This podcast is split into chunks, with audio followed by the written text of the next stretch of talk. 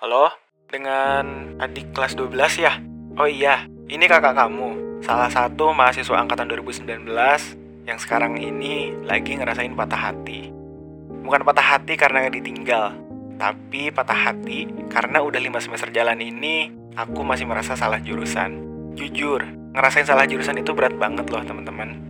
Enjoy enggak pas belajarnya, malah dapetnya pusing.